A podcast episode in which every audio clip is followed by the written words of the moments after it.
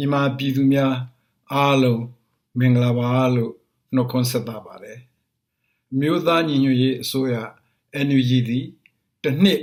ပြည့်မြောက်ပြီတော့မည်။ပြည်သူကတာဝန်ပေးအပ်သဖြင့်ပေါ်ပေါက်လာရသောတော်လှန်ရေးအစိုးရဖြစ်၍ပေးအပ်သောတာဝန်ကိုဥထိပ်ပန်ဆင်ရသည်။ထိုပေးအပ်သောတာဝန်အရတစ်နှစ်ပြည့်ကြာရန်ရည်ရွယ်ရင်းမရှိခဲ့ပေ။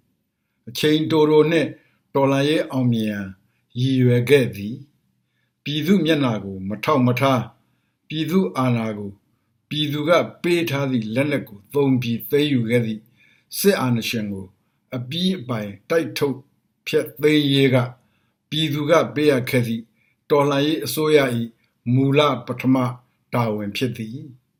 ယာရုများဖြင့်ဖွဲ့စည်းထားခြင်းမရှိ တာဝန်များဖြင့်သာ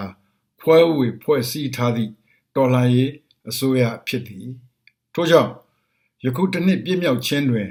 ဝမ်းမြောက်ဂုဏ်ယူပီတိဖြစ်เสียမရှိပြည်သူများဘက်မှတာဝန်ကျေခဲ့ပါပြီဆက်လက်၍လဲကျေနေဥမီဟုယုံကြည်ပါသည်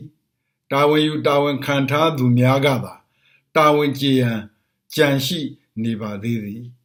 အစွမ်းကုန်ကြိုးစားဆောင်ရွက်နေပါသည် ဆက်လက်ဆောင်ရွက်ပါမည်ကြာရတာဝန်ကို ကိုစွမ်းဉာဏ်စွမ်းဤပညာစွမ်းများအကောင်းဆုံးအသုံးပြုဆောင်ရွက်ကြပါမည်မိမိကိုမိမိအားနည်းချက်များရှိပါက ပြုပြင်ကြိုးစားကြပါမည်ကြိုးစား၍မှမရမလုံနိုင်လျင်လုံနိုင်သူကိုလွှဲပြောင်းပေး၍ကြိုးစားကြပါမည်ဟုထပ်လောင်းဂရိပြုအစီရင်ခံအပ်ပါသည် ပြည်ထောင်စုစီရင်စစ်ချုပ်ရုံး၏ကြာရတာဝန်သည်ပြည်သူနာပြည်သူမျက်စိရှင်းစစ်စေးအစီရင်ခံ၍အထောက်အကူပြုရသောတာဝန်ကိုထမ်းဆောင်လျက်ရှိပါသည်ပြည်သူနှင့်အတူရှိနေပါသည်ပြည်သူများအချို့သောအလှရှင်များ၏စိုးရိမ်ပူပန်မှုများကိုနားလည်သဖြင့်အလေးအနက်ထားဆောင်ရွက်လျက်ရှိပါသည်တာဝန်ကျေပြွန်ပြီဟုမဆိုနိုင်သေးပါ တော်လှန်ရေးအောင်မြင်တော့မှတာဝန်ကြည်ပါမည်